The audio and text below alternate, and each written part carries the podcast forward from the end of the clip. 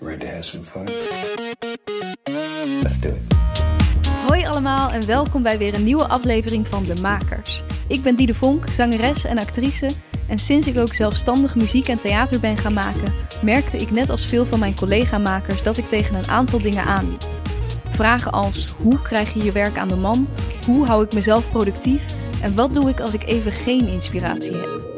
Daarom ben ik deze podcast begonnen, waarin ik elke week een inspirerende maker interview en vraag om tips. Vandaag spreek ik designer en kunstenaar Mirjam Manusama. Mirjam maakt hele mooie androgyne slow fashion en kreeg geweldig nieuws een paar maanden geleden. Ze mag namelijk met haar collectie Anima Animus op de New York Fashion Week staan. Momenteel is ze als een razende daarvoor aan het maken, maar ze wilde graag te gast zijn om hier haar hele verhaal te vertellen. Want wat is zij allemaal tegengekomen op haar ondernemerspad? Hoe kom je op de New York Fashion Week terecht als jonge beginnende ontwerper? En hoe was het om op te groeien in Zeeland, waar Mirjam zich altijd een beetje de vreemde eend in de bijt voelde? Ook hebben we het over keuzes maken, iets wat een belangrijk thema is geweest in Mirjams weg. Ze is namelijk niet alleen designer, maar ook een heel getalenteerd kunstenaar. Toen haar kunst begon te lopen, besloot ze toch weer terug te gaan naar haar liefde voor design. Hoe zit dit? En wat betekenen mannelijkheid en vrouwelijkheid in haar werk? Ze maakte namelijk veel yoni-art, kunst waarin de vagina en vrouwelijke kracht centraal staan, en gaf zelfs workshops hierover. Hier wilde ik natuurlijk ook alles over weten. Waarom is dit een belangrijk thema voor haar? Mirjam is een supermooi mens en ik ben geraakt door hoe eerlijk ze vertelt over alles waar zij tegenaan gelopen is en hoe ze gekomen is waar ze nu is. Heel veel dank Mirjam en jullie heel veel luisterplezier. Ik ben uh, Manusama en ik ben modeontwerper kunstenaar. Ik maak uh, ook tekeningen. Uh, ja, dat eigenlijk. Mm -hmm. En uh, nou, jij hebt sowieso laatst heel geweldig nieuws gehad. Ja. Want je gaat in september naar de New York Fashion Week. Ja, ja, ja. Heel vet. Heel Ja. bizar. Je zal nu echt eh, het super druk hebben met alles voorbereiden. Ja, het is echt eh, best wel chaotisch op dit moment. Omdat ik het, denk ik, eh, eind mei hoorde ik het. En vooral omdat we natuurlijk in zo'n hele situatie met de corona. En ik zat eigenlijk de afgelopen twee maanden soort van in, in de studio van ja, oké, wat ga ik doen? Heel veel afspraken en zo. Ja, ging allemaal niet door. Nee. Dus je zit een beetje ja, met de pakken neer eigenlijk. En dan krijg je zo'n nieuws Ja. van ja, je bent geselecteerd voor de New York Fashion Week. En ik, dat was eh, met verschillende rondes. Oké. En ehm, ja, toen eind mei hoorde ik dat. En ik, ja, het was echt soort van alle soort van emoties eh, voelde ik. En het gekke was, ik lag half aan slapen op de bank. Toen je het nieuws Ja, kreeg. toen ik het nieuws kreeg. En ik was half soort van, was super laat, omdat het natuurlijk tijdsverschil. Dus ze hadden een Ah. mailtje gestuurd en dat was echt in de nacht. En ik lees zo en staat zo, congratulations. En ik zo, huh? En ik kon het gewoon echt niet geloven. En op dat moment, ik belde mijn vriend en ik had een print screen gestuurd. Van, oké, is het echt waar? Want ik, ik had echt, denk Ja. ik, twintig keer opnieuw gelezen. Ja, omdat klopt. ik het. dacht, klopt het wel, weet je? En, Zeker eh, met een mail, dat is nog zo... ja, heel bizar. Want ik was eh gescout door hun. Had dus een... ehm ehm eigenlijk soort van zij het ook van de New York Fashion Week. Mhm. Ehm, en het is een team die jonge eh, designers scouten... om hun een podium te bieden op de New York Fashion Week. En ze hadden mij gescout, dus ik had een mailtje gekregen. En eerst dacht ik, oké, dit is de spam. Ja, Ja. is het echt waar? Ehm, ja, contact met hun, heen en weer gemaild. En nou, dan, zo gaat het eigenlijk een beetje zo heen en weer. Ehm, ik moest verschillende selecties eh, door. Dus dan laat je eigenlijk je werk zien, nog meer Mhm. eh, over de collectie. En ehm, ja, een paar maanden later kreeg ik, eh, kreeg ik het nieuws. Dus ik zit nu een soort van in de, in de chaos. In de totale chaos. Ja. Maar wel Maar een blije chaos. Ja, ik. heel, ja, heel fijn. Heel fijn dat het zo... Ja, dat je erkend wordt als designer toch wel. Mhm, Zeker. Dat het zoiets groots is. En ja, ik denk als je jarenlang werkt voor iets, voor een droom... Mhm. en dat dan... Ja, Ja. Ja, dit is wel een ultiem doel Ja, natuurlijk. ja. En dan zeker als je ja, gescout bent vanuit dat je het misschien Ja. zelf helemaal niet zag aankomen. Ja. En, eh, nee. Ja, te gek. Ja. Oké, hier wil ik het zo nog heel uitgebreid over hebben. Maar ik ben eigenlijk even benieuwd van... wat ging hiervoor? Hoe ben je tot hier gekomen? Ja. Ehm, want jij bent vier jaar geleden je eigen atelier begonnen? Ja, ongeveer ja, drie, vier jaar geleden echt full- fulltime. Ah, ja. Ben ik, eh, ja. Ehm, ja, ik ben ja, vroeger als kind, ehm, ik heb op de vrije school gezeten. Mhm. En daar ben je toch wel een beetje op een andere manier bezig met leren. Ja. Dus je krijgt heel veel eh, dingen mee als schilderen, handwerk. Dus op die manier was ik wel bezig met creatieve dingen. Ehm, en op een gegeven moment, eh, ik ben geboren in Zeeland, in Middelburg. Mhm. Nou, echt een soort van gat. Ehm, en ik denk rond mijn puberteit of zo voelde ik, ja, ik voelde me altijd een beetje anders. En ik was heel erg op zoek naar mijn eigen identiteit. Mhm. Ehm, waar ik soort van in paste. Ja. En dat uitte zich met kleding. Dus ik was heel erg ja. bezig met op een bepaalde manier kleden. Wat bij mij, ja, waar ik me goed bij voelde, wat bij mij Mhm. paste. En dat was totaal anders dan alle Nee, kinderen? da- daar wel. Ja. Ja, daar wel. Daar was een soort van, meer, wat heb je aan? Wat is, wat is dit, weet je wel? Mhm. Ehm, en dat trok zich eigenlijk heel erg door. Eh, en op een gegeven moment, ja, dat, is voor, wat, dat was voor mij een, een uiting als communicatie naar de wereld. Van waar ik, ik soort van voor stond. Ja. Ehm, en eh, ook denk ik een beetje als bescherming. Dat ik de kleding zag als bescherming van mezelf. Mhm. Ehm, ja, Wat voor een manier? Ehm, nou ja, ik als, als puber toch wel een soort van merkte dat, dat ik het heel moeilijk vond om mezelf te plaatsen in Middelburg als kind. Mhm. Ehm, en dat, dat zag ik dan met ehm, mijn bepaalde interesses wat ik had Ja. en vrienden om me heen. En dat ik altijd soort van voelde van, ja, eh, ik, ja wat, wat moet ik hier nou precies? Ik weet niet zo goed, weet je. En Niet helemaal op je ja, plek. niet helemaal Ja. op mijn plek. En Ehm, zelfs op die vrije school was dat niet... De vrije school wel, ja. Maar dan praat ik echt over het, van kleuter Ah, tot, ehm, nou ja, 12, 13 ben je dan. Ja. En ehm, nou ja, dat hele zoektocht naar identiteit was in de, in de puberteit. En eh, dat trok zich door in ja, eigenlijk meer het maken. Dus op een gegeven moment was ik 17. Ja, 17. En toen eh, ging ik naar Utrecht verhuizen. Mhm.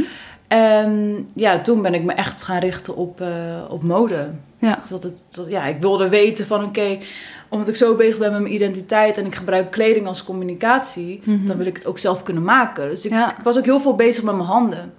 Ah, ja. Ehm, en ja, dat, dat kwam heel erg mooi eh, samen eigenlijk. Ja, dus toen werd dat echt mode. Want volgens Ja. mij had je ook heel veel, of heb je nog steeds heel veel andere creatieve talenten, tekenen. Ehm, Ja. ja, hoe kwam het dat je wist dat het mode moest worden? Ehm, ja, ik denk ook eh, mensen om me heen zaten op de kunstacademie. En ik vond het altijd heel interessant. Want ik dacht, oeh, wat doen ze daar allemaal? Ik denk Ja. dat ik 16 was ongeveer. En nou ja, de, de bepaalde manier hoe zij zich kleden. Ik voelde me heel erg aangetrokken tot, tot dat.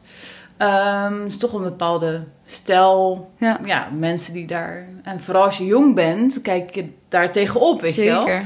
En eh, dus ik had echt zoiets van, oh, ik wil naar de kunstacademie. Ik wil daar, wil ik ehm, ja, bezig zijn met kleding maken. Mhm. En toen ben ik eerst, vier jaar heb ik eh modemaatkleding gedaan. Mhm. Dus dat is echt gericht, eh, basis, ehm, ja, tailoring eigenlijk. Dus je leert eh, pakken maken, alles op maat, doorpassen. Wat een hele goede basis Ja, is om, supergoed. ja, om ehm, ja, verder te kunnen stromen als echt meer grootste designer. Ja, want daar is, ben je dus nog niet bezig met je eigen designs, denk ik. Ehm, nee, voor, ja, voornamelijk, ehm, ja, je leert een broek, een jasje maken. Dus heel erg de basis. Ehm, alleen bij mij, ik was altijd een beetje soort van eigenwijs. Mhm. En ik wilde dan toch wel weer net iets anders. Ja. Ehm, en ja, de laatste twee jaar, ik denk derde en vierde jaar, ik was ongeveer 20, 21. Ik deed mee met een wedstrijd, MAF B heet dat. Ehm, dus ik was best wel bezig al met mijn eigen dingen ja, buiten school. Mhm. En daarin kreeg ik ook zeker support. En op een gegeven moment eh, heb ik dat afgemaakt. En toen ben ik naar de kunstacademie gegaan in Utrecht, de Ja. HKU. Eh, dat heb ik, ja, fashion design. Dus dan ben je meer gericht op ehm, eh, ja, beeldend, een soort van beeldende kunst in, in mode. Dus niet meer echt in, in hokjes denken Nee. omdat dat, ja, in die mode maatkleding wel echt ehm, Ah ja, ja, want meer dit is een broek specifiek- en dit is een jas. Ja, precies. Ja. Ehm, dus ik kon eigenlijk dat heel erg mooi toepassen. Dus Ja. alle kennis, alle basis die je hebt. Mhm. Om dan vervolgens ja, dat soort van eh, Ja, uit te breiden. ik kan me ook voorstellen dat, er, dat je klasgenoten had die helemaal nog niet eh, echt mode konden maken Ja. zelf ook. Ja, Hoefde dat daar dan ook niet? Of... Ehm, nou, in het, je had het eerste jaar, dat was gewoon meer gericht op, ehm, ja, dan kreeg je wel mode, maar je kreeg ook ehm, nou, tekenen, schilderen, dus het was meer een soort van allround. En dat was voor mij best wel goed om een soort van eventjes los te komen van die vier jaar strak Ja. mode, dus maken. Ehm, maar op een gegeven moment, ik was zo met mijn eigen dingen al bezig.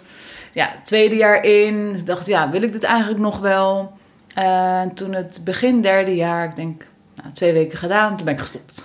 Nou, ik wil niet meer. Het was echt... ehm, Wat was Ja. de, de doorslag daarin? Ehm, ik merkte dat ik op een gegeven moment toch een beetje botste met, ehm, met de hele manier van school of Mhm. zo. Dus, dus je moest je houden aan toch wel bepaalde Ja. dingen. En ja, dat de docenten zeiden van ja, gericht je meer daarop. Terwijl ik dacht van nee, dat wil ik niet. Ah, ik, wil, ja. ik weet wat ik wil en ik wil, Ja. wilde me echt daaraan vasthouden. En dat had je bij die opleiding daarvoor niet? Dat je Mm. merkte... Ook wel, maar omdat ik daar gewoon echt heel erg leerde hoe je dingen in elkaar zet. Ja. Dus echt vanaf nul patroon tekenen. En Mhm. ik was daar helemaal soort van... Ja, dat was voor mij echt iets heel nieuws. En natuurlijk op de kunstacademie leer je ook nieuwe dingen. Ja. Maar omdat ik al zo erg bezig was met mijn eigen Ja. Ja. ding opzetten... Dat ik dacht ja. van ik wil me gewoon daar volop focussen. Ah, dus misschien dat docenten dan ook een soort van jouw stijl gingen bekritiseren. Juist. En dat is natuurlijk echt Ja dat, veel... ja, dat vond ik heel lastig. Ja. Dat Ja. ik dacht van ja, ik zat heet het soort van in een back and forth. En dat ik dan dacht, ja, ik, ik maak gewoon een keuze om ehm, ja, voor mezelf dan te Mhm. beginnen. Ja, wat goed. Ja, Ook wel spannend, toch? ja heel spannend. ja, want je krijgt ook niet zo goed mee eigenlijk, ehm, ja, hoe zet je je eigen bedrijf op? Nee. Dus het was een soort van, nou, ik stap erin en... Let's go. Let's go. ja. Ja. ja. Ja, wacht, daar wil ik zo Ja. alles nog over horen. Maar ik vind het wel heel interessant dat je eigenlijk van zo jongs af aan al... en dat dat ook telkens een beetje doorgewerkt heeft... zo je eigen stijl aan het zoeken was en je eigen identiteit. Is dat iets wat bij jullie thuis werd eh, gestimuleerd? Of waren je ouders daarmee bezig of je broers? Mm, nou, mijn ouders waren heel erg vrij. Mhm. in opvoeding en ehm, in hoe wij ons wilden ontwikkelen eigenlijk.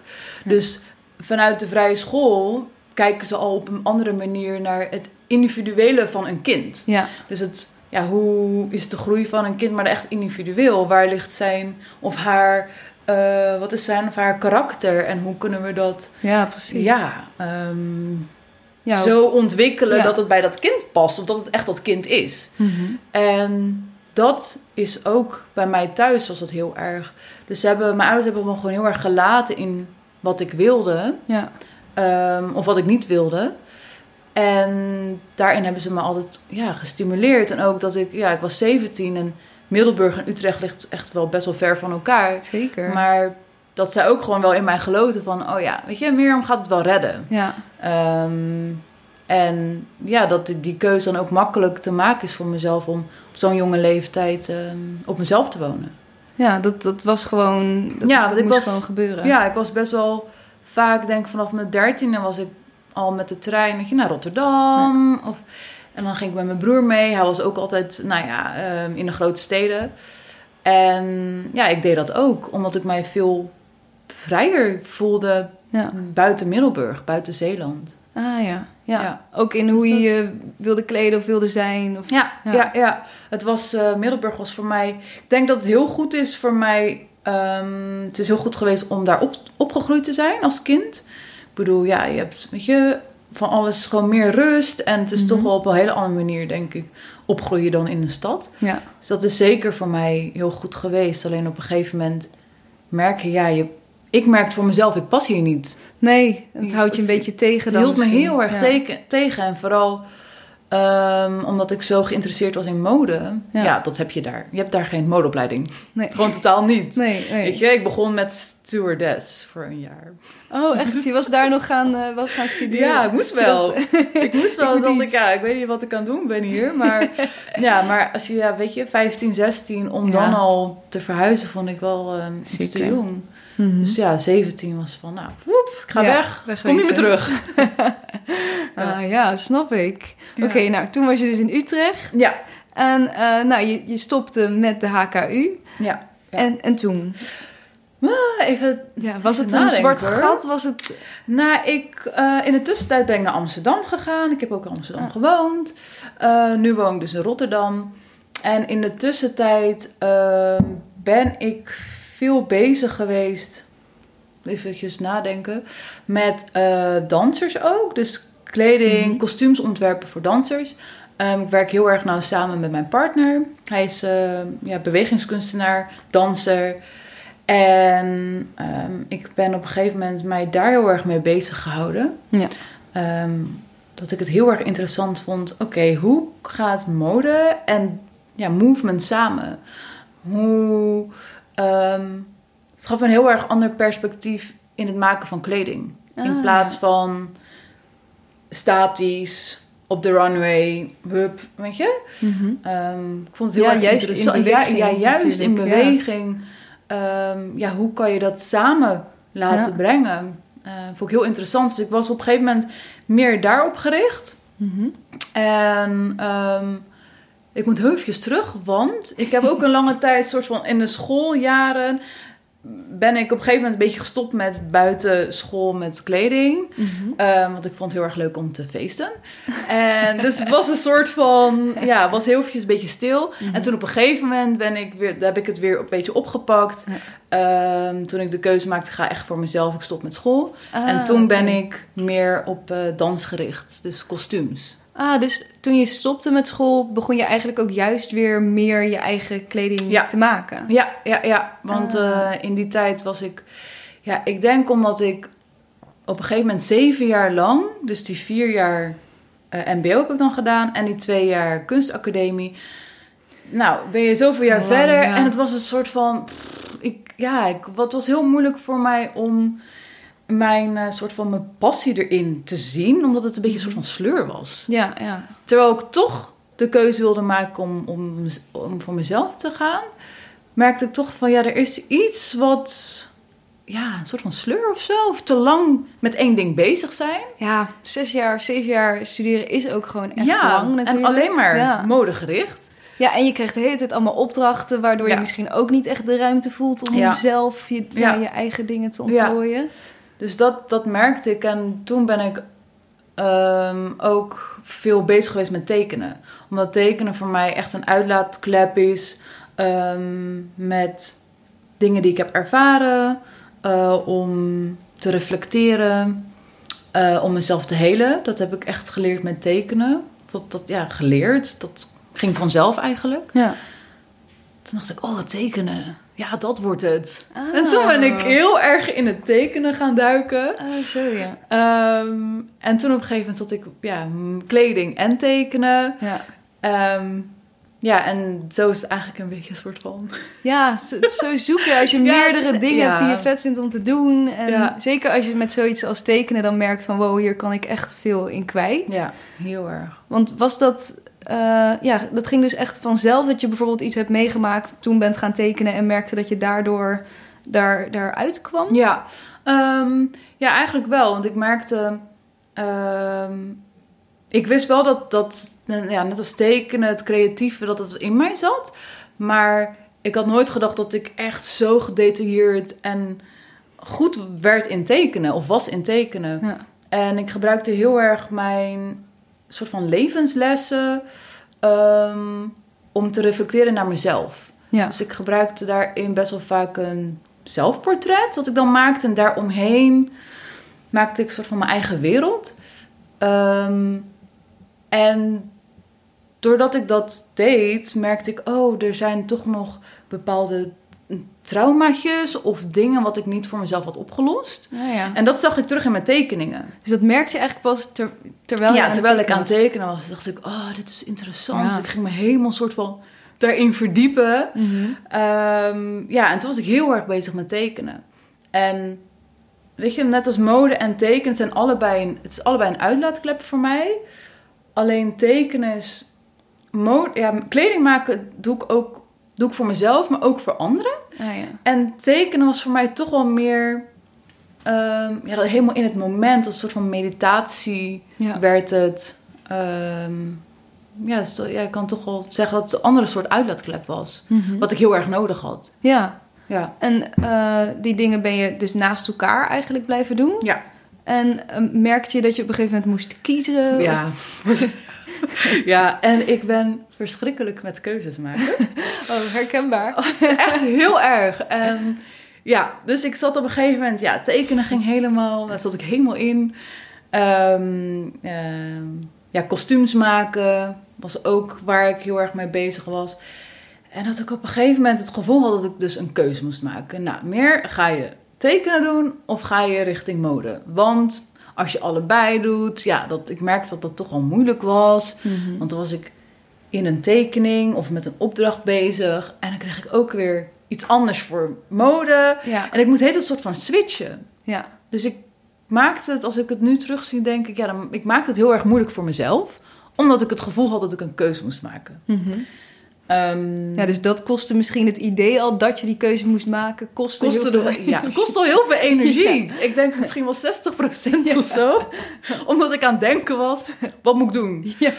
Ehm, dus daarin, ja, ik heb met de jaren heen, heb ik ehm, dat eigenlijk soort van moeten, nou, niet moeten leren, maar een soort van heb omarmd van, wow, je hoeft niet een keuze te maken, maar je kan ook allebei doen. Mhm. Want je hebt allebei, dat heb je. Dus maak er een soort van gebruik van en ehm, als het fijn voelt, kijk hoe je dat samen kan brengen. Ja.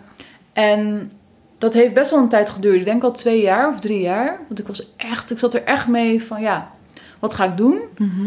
Ehm, en het grappige is dat ik dan terugdenk, denk ik, ja, op een gegeven moment ging het heel goed met, met mijn tekeningen, exposities. En ehm, op dat moment dacht ik, nee, ik moet, ik moet voor mijn kleding. Weet je wel? Dat is Oh. juist op het moment als het dan soort van Gaat lopen? gaat lopen, dan maakte ik weer een Oh. soort van switch naar het andere. En ik denk ook wel dat het ergens te maken heeft met dat een bepaalde angst of Ja. zo. Om, woep, Om er echt om er helemaal voor echt te gaan. helemaal voor te gaan. Ja. Eh, dus het was altijd een soort van, wat gaan we doen? Oh, ja. Ehm, Maar heb je jezelf daar dan in, een beetje in gesaboteerd bijna? Of... dus denk het wel. Ja. Als ik daar zo over denk. Ehm, ja, elke keer als er zo'n moment was van, oh ja, nu, weet je. Mhm. Dan ging ik zo, weer Ja, toch de andere toch kant de op. andere kant op. Ja, interessant is dat hoor. Ja. Waarom we dat doen als mens. Heel bizar, ja. Dat je dan denkt, oké, nou nu weer even... Ja, terwijl je wel daar naartoe wilt gaan. ja, ja en dan tuurlijk, toch daarom doe je het. onbewust ga je een soort van... Ehm, ja, dus daarin op een gegeven moment... ehm, ja, dat heeft best wel lange tijd geduurd om mezelf soort van de ruimte te geven dat het ook allebei kan. Ja. Ehm, en ik denk dat het vooral heel erg ligt aan... Ik wil gewoon een master zijn in wat ik doe. Ja. En daar moet je gewoon je volle focus op hebben. Dus ik vond het heel moeilijk van, ja, maar hoe kan het dan als ik dan twee dingen doe? Ja. Weet je? Ehm, maar ja, nu zijn we een paar jaar verder. En ik denk sinds nog niet zo lang geleden, ik denk vorig jaar.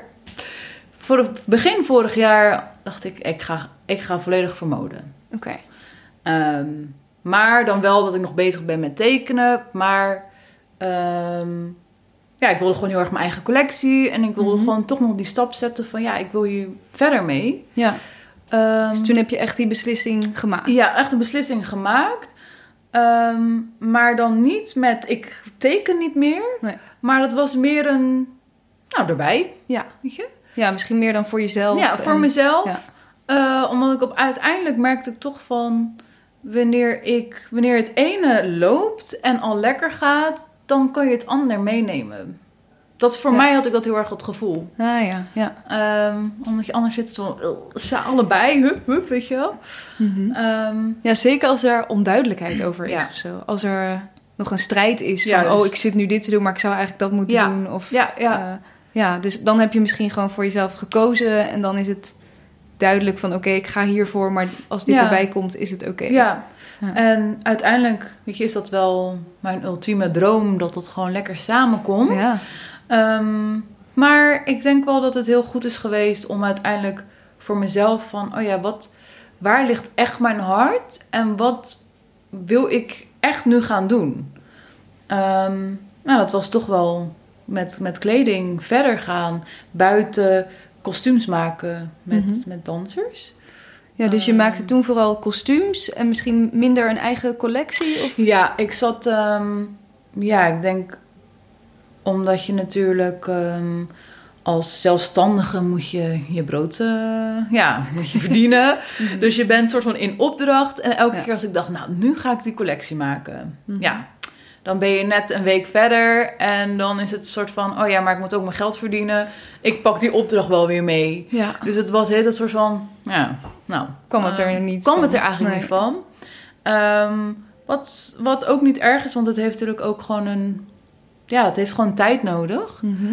Ehm, en juist omdat ik... Nou, we deden wel opdrachten met... ehm, ja, voor, voor dans, theater.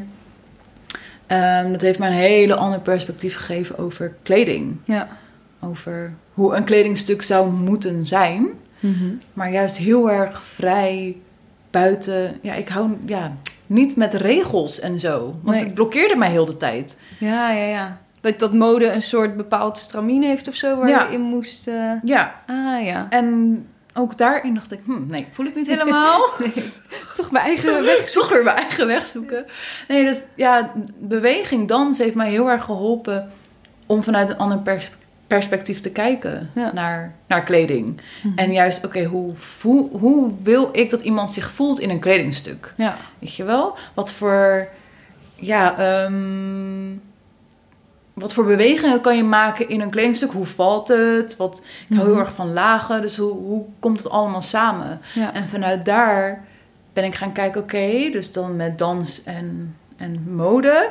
En Mhm. hoe kan ik dan vanuit daar ook weer een collectie creëren die wij aan kunnen gewoon Ah ja, dus dat in was dagelijks leven. de ingang voor je eigen collectie ook. Ja, onder andere wel. Ja. En de ingang van hoe ik nu, hoe ik mezelf nu zie als designer. Ja. Ja.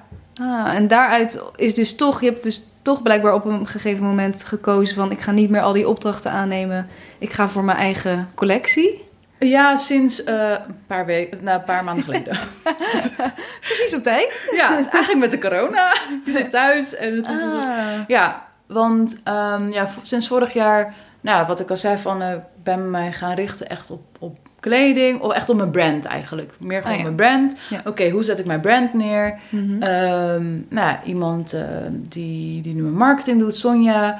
Sinds vorig jaar echt dat ik ook zo fijn, want ja, je kan, je merkt gewoon, je kan niet Ja. alleen verder. nee. Als in, weet je, natuurlijk, je bent je eigen drijfsfeer daarin, maar je hebt mensen nodig om verder te gaan. Ja, om het naar een hoger plan Ja. te tillen. Ja, en ja, ze had een heel ehm, eh, marketingplan gemaakt. Oké, daar waar wil je naartoe met je bedrijf, met je brand? Wat goed. Ehm, omdat ik dat eigenlijk nooit echt had gedaan. Mhm. Ik was meer een soort van, nou, eh, zo, zo. Maar denk door al die jaren heen, je, je ontwikkelt je als persoon heel erg. En daarin gaat je werk ook natuurlijk veranderd. En, Mhm. dus vorig jaar was het eigenlijk een soort van, oké, ja, waar sta ik eigenlijk? Ja, En waar wil ik naartoe? Dus ook echt dat samen met haar een beetje Ja. uitgestippeld. Ja, ja, ja. En ehm, om het ook gewoon helderder voor mezelf te maken. Mhm. ehm, van, oh ja, dit is, dit is waar ik naartoe wil gaan. En vanuit daar, dat denk ik nu, ja, vorig jaar was dat. Mhm. En ehm, ja, toen opeens komt dan dit. Eén jaar later, de Hoppa. Fashion Week. Nou, waar wil je naartoe over eh, tien jaar? Hey, twee maanden verder. Ja, zoiets. Ja, Wat goed. Ja. Ja. want als ik nu kijk inderdaad naar jouw website en naar je kleding, lijkt het een super helder, duidelijk merk. Maar was dat voor jezelf dan een jaar geleden dat nog niet helemaal? Hmm, ja en nee. Ik denk dat ik wel, wat het was wel heel duidelijk voor mezelf ehm, wie ik ben als designer, als maker. En als, natuurlijk, je groeit, natuurlijk weet je, er zijn processen en je ontwikkelt je, dus dingen veranderen natuurlijk. Maar het was wel voor mij van, oh, dit is mijn blueprint. Alleen, hoe zet ik het om in een brand? Ja. Dus hoe en hoe communiceer ik dat naar de buitenwereld? Mhm. Wat is belang, wat vind ik belangrijk en hoe zet ik dat voort in mijn brand en communiceer ik dat naar de buitenwereld? Dat stukje was voor mij heel erg belangrijk om een soort van ja, een soort van stevige basis Mhm. om, om verder te kunnen gaan. En was het moeilijk die beslissing om daarbij dus iemand aan te nemen? Nee, ik was juist heel erg, was heel erg blij dat ik dacht, oh, eindelijk iemand die soort van ehm, een beetje mij erin kan sturen en helpen. Ja. Van, oh ja, ehm Mirjam, wat, wat wil je hiermee doen? Of, weet je, waarom maak je deze keus? Ja. Ehm, omdat als je de hele tijd alleen bent, dan zit je heel de tijd in je eigen wereld en in je eigen gedachten. En Mhm. ik denk dat het dan heel goed is om soms iemand van buitenaf Ja. die je dan op een bepaalde manier ehm, soort van kan helpen om het te, ja, om het goed, soort van goed neer te zetten of zo. Ja, ja, precies. Die, ja, je zit er zelf ook zo middenin. Dus dan is Ja. het ook op een gegeven moment moeilijk om al die andere dingen daar ook nog inderdaad bij ja, te doen. precies. Ja. Ja. Ja. En je zei net, ik weet heel goed wie ik ben als designer. Ehm, eh, ja, wie, wie is dat voor jou? Hoe, hoe- hoe zou je dat omschrijven? Ehm, ja, hoe zou ik dat omschrijven? Ik denk dat ik als designer, ik vind het heel belangrijk om bewust te zijn van de keuzes die ik maak in mijn kleding en in Mhm. mijn brand. Ehm, wat vind ik belangrijk? Ehm, en hoe kan ik dat... Ik denk dat mijn kleding is een heel erg reflectie van mezelf. Mhm. Ehm, en als ik dat een beetje omschrijf in.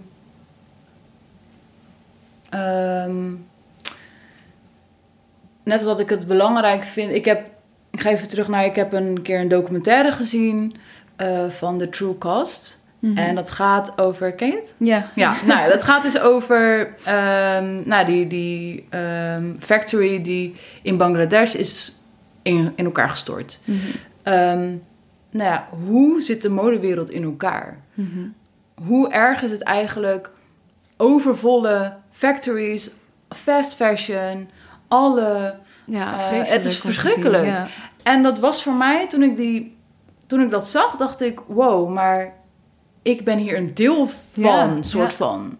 Want ik ben een designer en ja, hoe wil ik dat... Ik wil daar niet een steentje bij mee... Ja, weet je, dat je, Mhm. dat, dat, je dat ook voortzet. En dat was eigenlijk een soort van begin van mij als designer. Dat ik dacht, oké, wat vind ik belangrijk? Wat zijn mijn waardes? En wat, hoe kan ik dat, zeg maar, koppelen aan mijn brand? Ehm, dus dat was, was voor mij een soort van doorslaggevende factor om ehm, heel erg dicht bij mezelf te blijven staan. Ja. Dus kijk echt eerst naar, oké, maar wat vind jij dan belangrijk? Mhm. En het soort van reflecteren naar jezelf. En dat dan neerzetten in je werk. Ja. En ik denk dat dat ehm, als maker, dat dat echt mijn soort van kern is. En mijn kracht. Omdat dat ook weer reflecteert in het gevoel van de kleding. Dus als ja. iemand zeg maar een kleding... Het is heel grappig, want als iemand een kledingstuk van mij aan heeft... dan zeggen ze ook echt van... Het, het, ik voel gewoon dat hier gewoon liefde en passie in zit. En dat je het op een bepaalde manier hebt gemaakt. Ja. Ehm, en ik denk dat dat mijn sterkste, ja, gewoon heel mijn kern is. Mhm. Dus het heel dicht bij jezelf en tegelijkertijd dus ook heel erg eh, bezig met dat duurzame. Ja. Ehm, eh, ja, hoe, hoe, hoe zorg je daarvoor? Want het is super moeilijk, denk ik, in de ja. modewereld. Het is heel lastig. Ja. En ehm, ik ben daar op een gegeven moment heel erg bewust over geworden. Oké, hoe zou ik het willen produceren? ehm, ik vind het heel erg belangrijk ik- voor mijzelf. Ik hou heel erg van handwerk. Dus echt het ambacht nog. Ehm, en ik wil niet dat het verloren gaat. Dus ik, ah, ja. ik vind dat heel belangrijk voor mij. Mijn eigen, mijn eigen werk. Ehm, maar tegelijkertijd ehm, denk ik dat je ook soort van realistisch moet blijven als designer. Mhm. Oké, wat voor keuzes ga je maken? Want je kan wel 100% duurzaam willen zijn, maar wat duurzaam is zo breed. Ja. Dus ik, voor mij is het heel belangrijk, maak bewuste keuzes. Ehm, en het stukje duurzaam is niet alleen maar dat je ehm, ecologische stoffen gebruikt. Nee, het gaat ook over, oké, maar hoe wordt het geproduceerd? Mhm. Ehm, weet je, met kinderarbeid en dat soort dingen.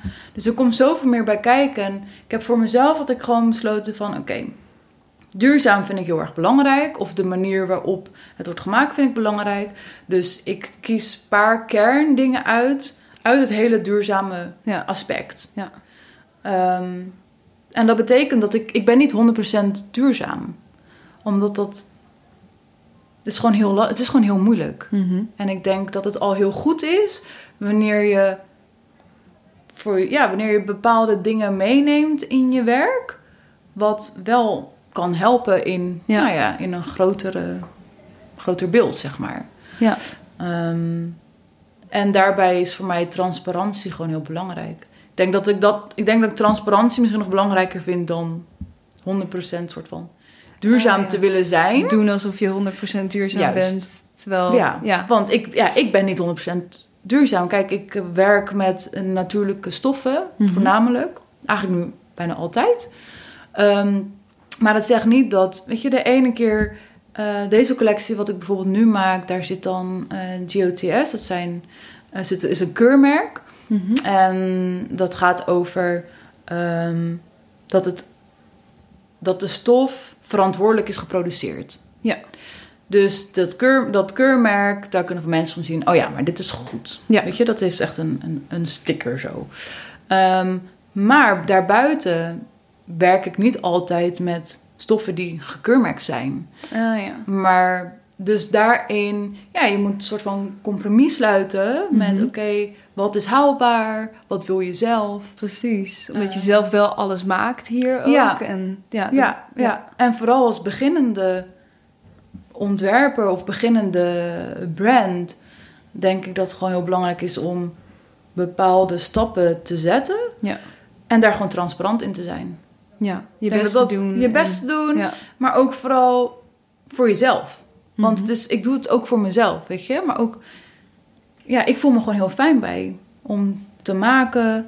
En ik wil mij niet in, in hokjes stoppen. Ik krijg het heel benauwd als ik soms denk aan bepaalde terms. Wat voor termen zijn dat? Nou ja, bijvoorbeeld ehm, nou, over bijvoorbeeld duurzaamheid. Mhm. Ik krijg daar soms best wel een beetje... Terwijl het voor mij heel belangrijk is. Ja, want ik zie het wel veel staan bij je werk. En, eh, Ja. ja. Maar ook, ehm, dus daar, ik denk dat het een soort van balans ook weer vinden is in, oké, ehm, nou dat hele transparante, Mhm. dat dat gewoon heel erg naar voren komt. Ja. Ehm, en het werk, ja, net als met, met ehm, natuurlijke stoffen werken, dat vind ik heel erg fijn. Dat is, weet je, dat is ook Mhm. gewoon, ja, er zit geen plastic en zo in, maar dat voelt ook gewoon heel fijn. ja, precies. Ja, dat duurzame is misschien zo beweren alsof je alles goed doet en Dat, helemaal juist. perfect bent. En, Ja, eh, ik krijg daar soms heel erg kriebels van. Ja, Dat ik denk, oeh, dat is... Ja, terwijl ik wel dat zelf ook belangrijk vind. tuurlijk, ja. Maar het gaat gewoon om de keuzes die je maakt. Gewoon bewust. Wees gewoon bewust. Ja. Ik denk dat dat... is gewoon bewust. Ja, en dat het oké is dat je niet 100%... Nou ja, in mijn geval duurzaam kan zijn of bent. Nee. En dat dat misschien een streven is. Ik weet, volgens mij is Ja. dat ook een beetje de filosofie van Tony Chocoloni. Van we zijn nog niet helemaal duurzaam, Ja. maar we doen heel erg ons best om dat zoveel mogelijk te zijn. Ja, En daar zijn we eerlijk over. ja dat. Ja. Ik denk dat dat... Dat is gewoon heel belangrijk. Ja. En daarom heb ik soms een beetje dat gevoel met duurzaamheid. Ja, het is ook natuurlijk zo'n zo'n Eh, modewoord. ja, en, ja. Het En- moet misschien meer gaan om de filosofie erachter. Precies, En- ja. En kijk, daarin is het natuurlijk soms belangrijk om dat wel eh, op een bepaalde manier te gebruiken. Omdat mensen het dan, weet je, begrijpen of het zien van... oh ja, Ja. maar ze is wel daarop gericht. Mhm. Ehm, maar dan gewoon, ja, transparant zijn. Ja. Ja. Collectie die je nu maakt, die heet Anima Animus. Ja, Ehm, eh, het mannelijke zoeken in het vrouwelijke en het vrouwelijke Ja. in het mannelijke. Kan je daar iets over Ja. vertellen? Ehm, ja. het is eh, een term van Carl Jung, een psycholoog. En hij heeft eigenlijk het ehm, ja, archetype animus en animus van ontdekt. Ehm, en het gaat over dat wij als mens het mannelijk, mannelijke energie en vrouwelijke energie in ons hebben. Ehm, en ja, dus wij hebben mannelijke aspecten in ons en mannen vrouwelijke aspecten. Maar vaak zit dat in ons onderbewuste en zijn we er niet bewust van. Ehm, dus kijk even bijvoorbeeld, een man wordt altijd gezegd, ja, als man eh, emoties, je, dat is niet mannelijk. Mhm. En terwijl dat wel een deel van een man ook is. Ja. En ehm, omdat ik daar zelf ook als individueel eh, individu mee bezig ben, Mhm. om balans te vinden in nou, mijn mannelijke kant en mijn vrouwelijke kant, ehm, vond ik dat heel erg mooi om dat ook te vertalen in kleding. En dat komt ehm, ook doordat, ik denk twee jaar geleden, ehm, maakte ik kostuums voor het stuk Anima. En dat was van mijn partner. En hij heeft daar een, eh, hij had er een stuk, een dansstuk van over gemaakt. Over de vrouwelijke kant van de man. Oh ja. Ehm, om, en dat heeft hij vertaald in, in zijn dans. En dat was voor Motel Mozaïek Festival in Rotterdam. En daarvoor had ik dus een, eh, ja, had ik kostuums gemaakt. En dat vond ik heel erg interessant. Van, omdat ik natuurlijk al met dans bezig was, dus op een andere manier keek naar kleding. Mhm. Dit moet voor een vrouw zijn, dit moet voor een man zijn.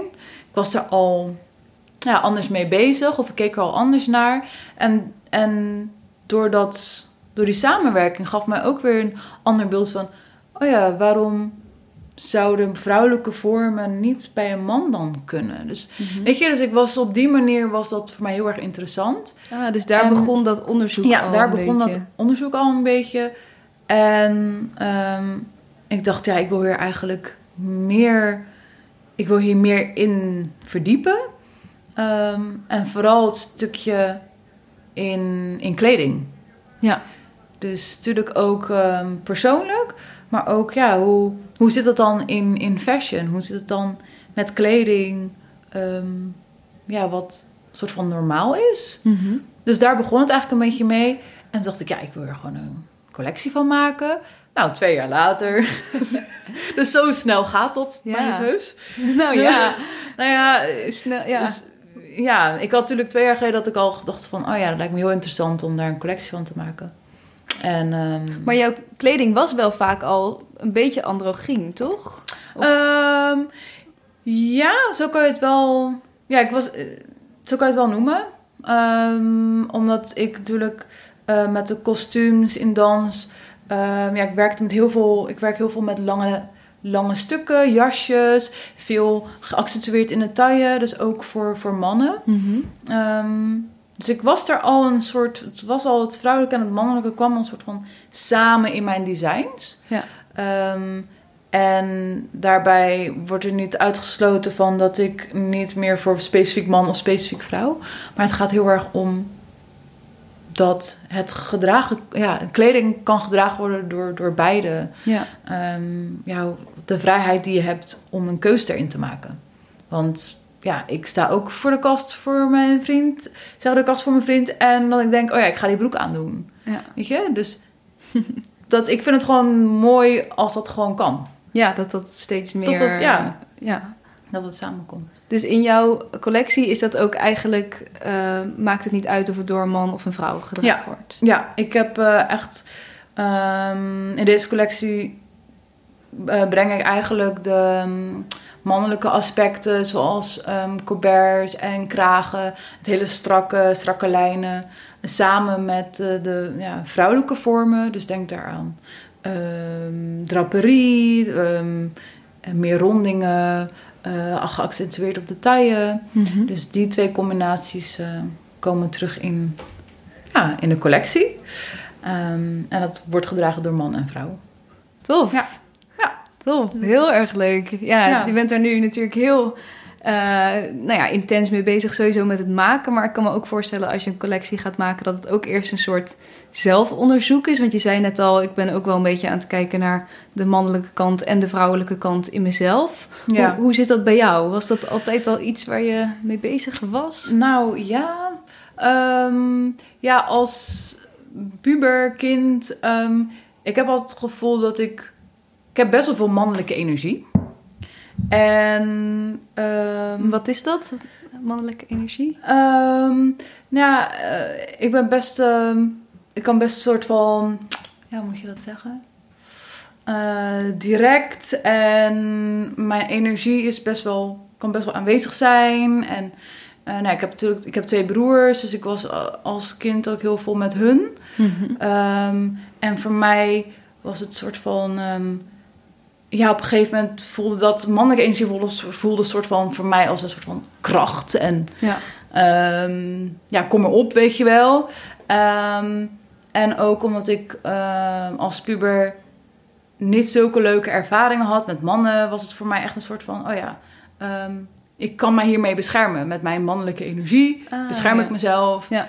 En, maar daarbij merkte ik op een gegeven moment dat ik juist de soort van vrouwelijke kant van mij, dat ik dat eigenlijk een beetje aan het negeren was. Mhm. En dat dat sinds ehm, de laatste jaren is dat heel erg naar boven gekomen. Dat ik op een gegeven moment merkte, oké, maar wat staat vrouw, vrouwelijkheid voor mij? Weet je, wat, wat is mijn vrouwelijkheid? En omdat ik eh dat hele kwetsbare en zo, Mhm. vond ik, ehm, ja, daar dacht ik niet echt mijn kracht in te vinden. Ah, dat voelde dan ook zwak of zo? Ja. Of, ja. Ja. Ja. Omdat ik juist heel erg ehm, weet Sterke je, vrouw, sterke vrouw. ja. En, ehm, dus door die jaren heen ben ik heel erg gericht op een gegeven moment van... oké, maar waar staat dan mijn vrouwelijkheid? Wat, waar staat dat dan? Ehm, en door tekenen Mhm. is dat eigenlijk een soort van omhoog gekomen. Of wat ik ben ik veel meer bezig geweest met, met het gevoel. Met emoties, met mijn gevoel. En ehm, ja, merkte ik, oké, juist in mijn kwetsbaarheid, juist in mijn emotie vind ik mijn kracht. En ik denk dat het ehm, heel belangrijk is. Ik denk dat wij heel erg ver weg staan van de oer, Mhm. oerkracht van een vrouw. ja. En Wij vrouwen of wij mensen? Of, eh, ehm, sowieso wij vrouwen. ja, ja. En voor mij merkte ik de laatste jaren dat het voor mij iets heel belangrijks was om een soort van die oerkracht weer terug te vinden. Mhm. Ehm, en ja, door dat tekenen, ik gebruikte, op een gegeven moment heb ik ehm, een soort van collectie gemaakt van, eh, van, met, van tekeningen. En dat ging over de vrouwelijkheid en daar zette ik de ehm Joni centraal. Ja. En dat was heel erg mijn reflectie naar mezelf. Misschien heel even voor de mensen die Oh, denken, Ja, Joni. Joni. Ja, Joni ehm, ja, is even een, staat zo al, is een Sanskriets naam voor nou, vagina, vrouwelijkheid. Ja. Ehm, en mm, ik was daar heel erg mee bezig, omdat ik merkte ehm, bepaalde schaamtes had ik over mezelf. Ja, waar ik soort van doorheen moest. En eh, toen zette ik de vagina zette ik centraal in mijn tekeningen. Ja, En doordat ik dat deed, was het heel erg naar mezelf een reflectie van... Oh, wow, ik schaam me hiervoor. Ehm, dit heb ik nog niet helemaal verwerkt. Deze emoties zitten er nog. En dat was allemaal gericht op wie ik ben als vrouw. ah, en door het tekenen... Door het tekenen is dat zich gaan ontwikkelen? Of is dat zich, ben ik bewuster geworden in ehm, ja, hoe, hoe belangrijk het eigenlijk is om ehm, ja, meer centraal te staan of meer connectie te hebben met jouw Mhm. vrouwelijke kant of met jouw Ja, ja, feminine energy. Ehm, en ik heb daar op een gegeven moment een hele serie van gemaakt. met best wel topics wat voor mij heel belangrijk was, bijvoorbeeld, nou, ik heb abortus gedaan en het praten erover is al heel moeilijk. Weet je, mensen hebben altijd een mening. Ja. En ik denk dat het in plaats van reageren erop, een mening te hebben, luister naar elkaar als vrouw zijnde. Weet je, luister naar iemands verhaal. ehm, in plaats van daar gelijk een, een ja, mening op te hebben. Ehm, dus in die tekening was het. Nou, ik had dus een, eh, een tekening gemaakt erover. En ehm, tegelijkertijd was dat een, eh, voor mij een heling. Om Ja. dat helemaal los te kunnen laten. En ehm, ja, toch een soort van het omarmen van wat, wat dat, dat is gebeurd. Want het zat toch nog kennelijk. Ja, eh, misschien dacht je op dat moment, oh, daar ben ik overheen of zo. Ja. Of- ja. Ja, maar dat zijn wel hele eh, belangrijke momenten die je echt voor jezelf ehm, ja, moet, ehm, moet je dat zeggen? Ja, omarmen of gewoon moet. Ja, echt een heling inderdaad. Ja, het is een heling. Ja, En eh, ja, dat soort ehm, thema's kwamen dus voor in mijn tekening. En op een gegeven moment heb ik daar een expositie over gedaan. Ook in Middelburg, wat heel leuk was. Oh. Want mensen dachten, allemaal, zijn het nou vagina's? Of, eh, weet je wel? Dus dat was wel heel interessant, omdat ja, dat ik, ik wilde toch op een bepaalde manier een soort van... een, ehm, ja, dat mensen een soort van gesprek aangingen. ja want stonden ze daar dan voor open om... Ja, ja, toch wel. En ik merkte op, ja, in het begin zitten mensen van, ja, zie ik het nou goed? Is het nou echt, weet je? Oh, apart, eh, al die vagina's, wat is dit? Maar als ze het verhaal erachter horen, Ja, dan zeggen ze, oh, wow, oké, Mhm. ik wist niet dat dat hierom ging, weet je wel? Of dat, ehm, en dat heeft zich heel erg goed uitgepakt eigenlijk. En ehm, op een gegeven moment ben ik nou, heel erg gedeeld ook met social media. ehm, hoe ik mij, hoe ik tekeningen gebruik als heling. Mhm. En dat heeft zich uiteindelijk gebracht naar workshops. ja je bent andere vrouwen Met andere vrouwen. Ja, Joni art gaan ja maken. Joni art gaan maken. Ja, ja, ja. Hoe was En- dat? Ehm, ja, heel bijzonder. Het heel bijzonder. Ik, Ja, het is. ehm, het was heel bijzonder omdat ik merkte van, oh ja, het, ik heb het zelf ervaren, ik doe het zelf. En doordat je dingen zelf ervaart, kan je ook bedenken van, oh ja, ehm, dan zou dat waarschijnlijk ook voor iemand anders misschien zo kunnen werken. Ja, Dus ook met dat stukje hou het heel erg dicht bij jezelf. Wat heb jij ervaren? Wat voor kennis kan jij dus aan iemand anders meegeven? Mhm. Ehm, en ja, zo is eigenlijk een beetje die, die workshop ontstaan. En ehm, leer ik, of nou leer, ik ben, ik haal mensen, vrouwen eigenlijk, breng ze samen. En het is gewoon heel belangrijk om een fijne omgeving te hebben waar iedereen zichzelf kan zijn. Mhm. Ehm, en dat iedereen open staat om iemands anders verhaal te horen. Ja. Eh, dat is gewoon heel erg belangrijk. En ik geef ze eigenlijk een soort van tools mee hoe zij ehm, hun of een trauma of iets wat zij heel graag willen delen, hoe zij dat kunnen omzetten in een tekening door middel van geometrische vormen als basis. Mhm. Dus ik ben heel erg bezig met, ehm, met vormen, dus vooral geometrische vormen. Ehm, want elke geometrische vorm staat voor iets. Ah, Ehm, als je bijvoorbeeld de triangle, het punt naar beneden staat voor het vrouwelijke, punt naar boven naar voor het mannelijke. Dus Oh. dat soort dingen Mhm. gebruik ik eigenlijk als basis in mijn tekening. En dat geef ik ook eh, de ander mee. Mhm. En vanuit daar, het is heel erg intuïtief tekenen. Ja.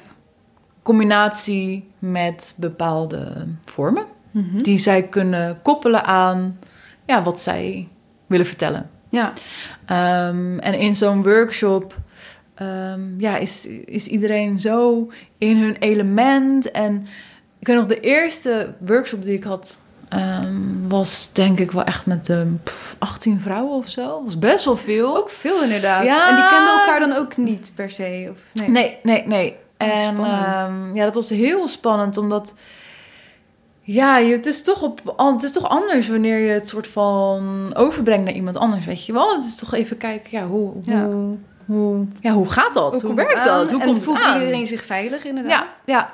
Ehm, maar het was echt een succes en ik, ja, het was echt een soort van wow.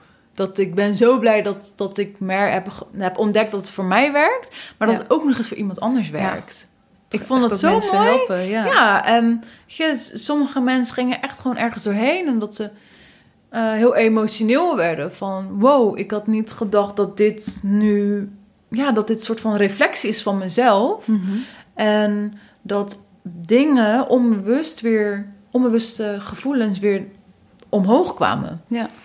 En dat allemaal met tekenen. En weet je, uiteindelijk doen ze het zelf. Mhm. Alleen het is gewoon mooi dat het... eh, ik denk wanneer je met zo'n collectief... Dat is toch toch een bepaalde energie. Ja, En ik denk dat het zeker gewoon heel mooi is dat dat... eh, ja. geeft ook al veel kracht om met elkaar een Ja, soort zo zeker. kwetsbaar te zijn ja, ja. en open te staan. Ja.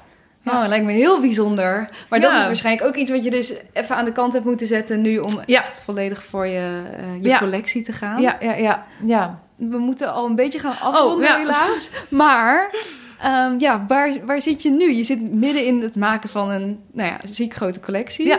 Hoeveel dingen moet je maken? Eh, acht looks Acht looks. eh, voor op de runway. Mhm. Maar ik wil er eigenlijk wel tien. Want uiteindelijk ga je toch kijken, oké, wat welke item past toch uiteindelijk beter bij een ander item. Dat Oh, ja. je een beetje speling hebt, dus dat Ja. je niet helemaal vast zit aan, aan één look.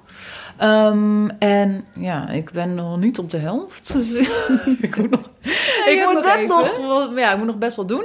Ehm, maar mijn team wordt ook steeds groter. Dat is wel heel fijn hoor. Dat oh, ik, fijn. ehm, dat je ja. mensen hebt die Ja. helpen. Mensen die me helpen, stagiaires. En ja, dus eh, nu keihard mm, ja, bezig zijn met die collectie.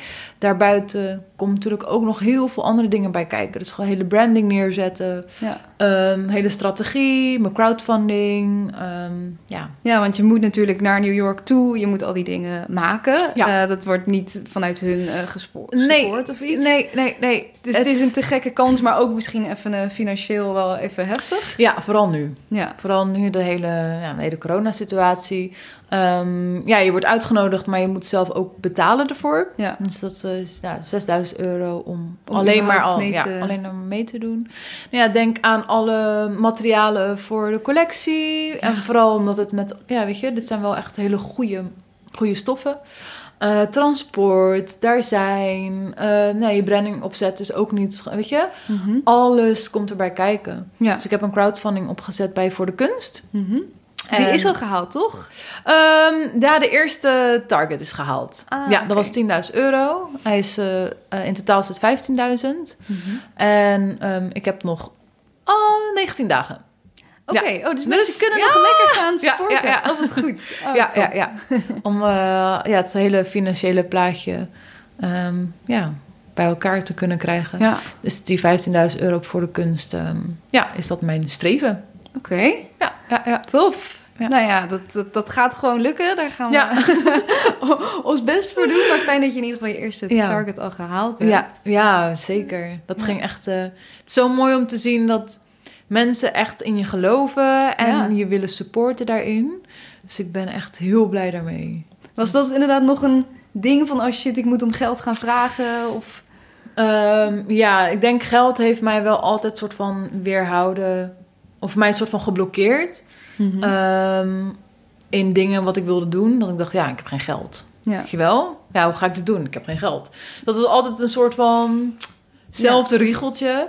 En ehm, ja, met dit ehm, was het oké, ja, New York Fashion Week. Nou, en toen zei eh Sonja van, ja, meer, je moet gewoon een crowdfunding opzetten. Hm. dacht ik, nou, nou ja, oké, Ja. nou, we gaan het gewoon proberen. Ik vond het heel erg spannend, omdat juist in deze tijd een crowdfunding opzetten... ehm, ja, iedereen heeft het al een soort van moeilijk financieel. En dan ga ik ook nog eens een crowdfunding opzetten. Dus ehm, het was extra spannend. eh, omdat ik dacht van, ja, ga ik het wel halen? Want als je het niet haalt, dan krijg je niks. Ja. Zo werkt het nou eenmaal. Ehm, maar het ging als een lopend vuurtje. Het was echt zo... Ja, ik had het echt niet verwacht dat het zo snel zou gaan. Ik had in één week 10.000 euro opgehaald. Wow. ik dacht, oh, is, Super ja, fijn. het is echt, ja, heel Gek. bizar. Ja, maar dan is het inderdaad... mensen geloven in je merk en het is goed neergezet. Ja, en, ja, eh, ja. En wat nou... Oké, jij gaat zo naar New York in september. ja. Ehm, wat nou als het daar supergoed gaat? ehm, zien we jou dan nooit meer terug? Eh, blijf je daar dan forever? Wat, wat gebeurt er? Wat is, is het idee? Ehm, ja, het idee. Het is gewoon als eerste. Ehm, ja, wil ik mijzelf laten zien als ontwerper en, en, en als brand. ehm, ja, naar de buitenwereld. Wie ik ben, Ja. ehm, wat ik doe, wat ik maak. Dat is voor mij gewoon iets. Ja, wat ik gewoon heel graag wil. Ja. En daarbij komt natuurlijk kijken eh, de manier waarop ik ja, kleding maak, wat ik belangrijk vind. En vooral op de New York Fashion Week, ze zijn er toch vaak grotere namen, toch al meer grote ehm, bedrijven, zeg maar. Mhm. Ehm, dus ik vind het heel erg mooi om als ja, kleiner, slow fashion Ja. eh, daar te staan.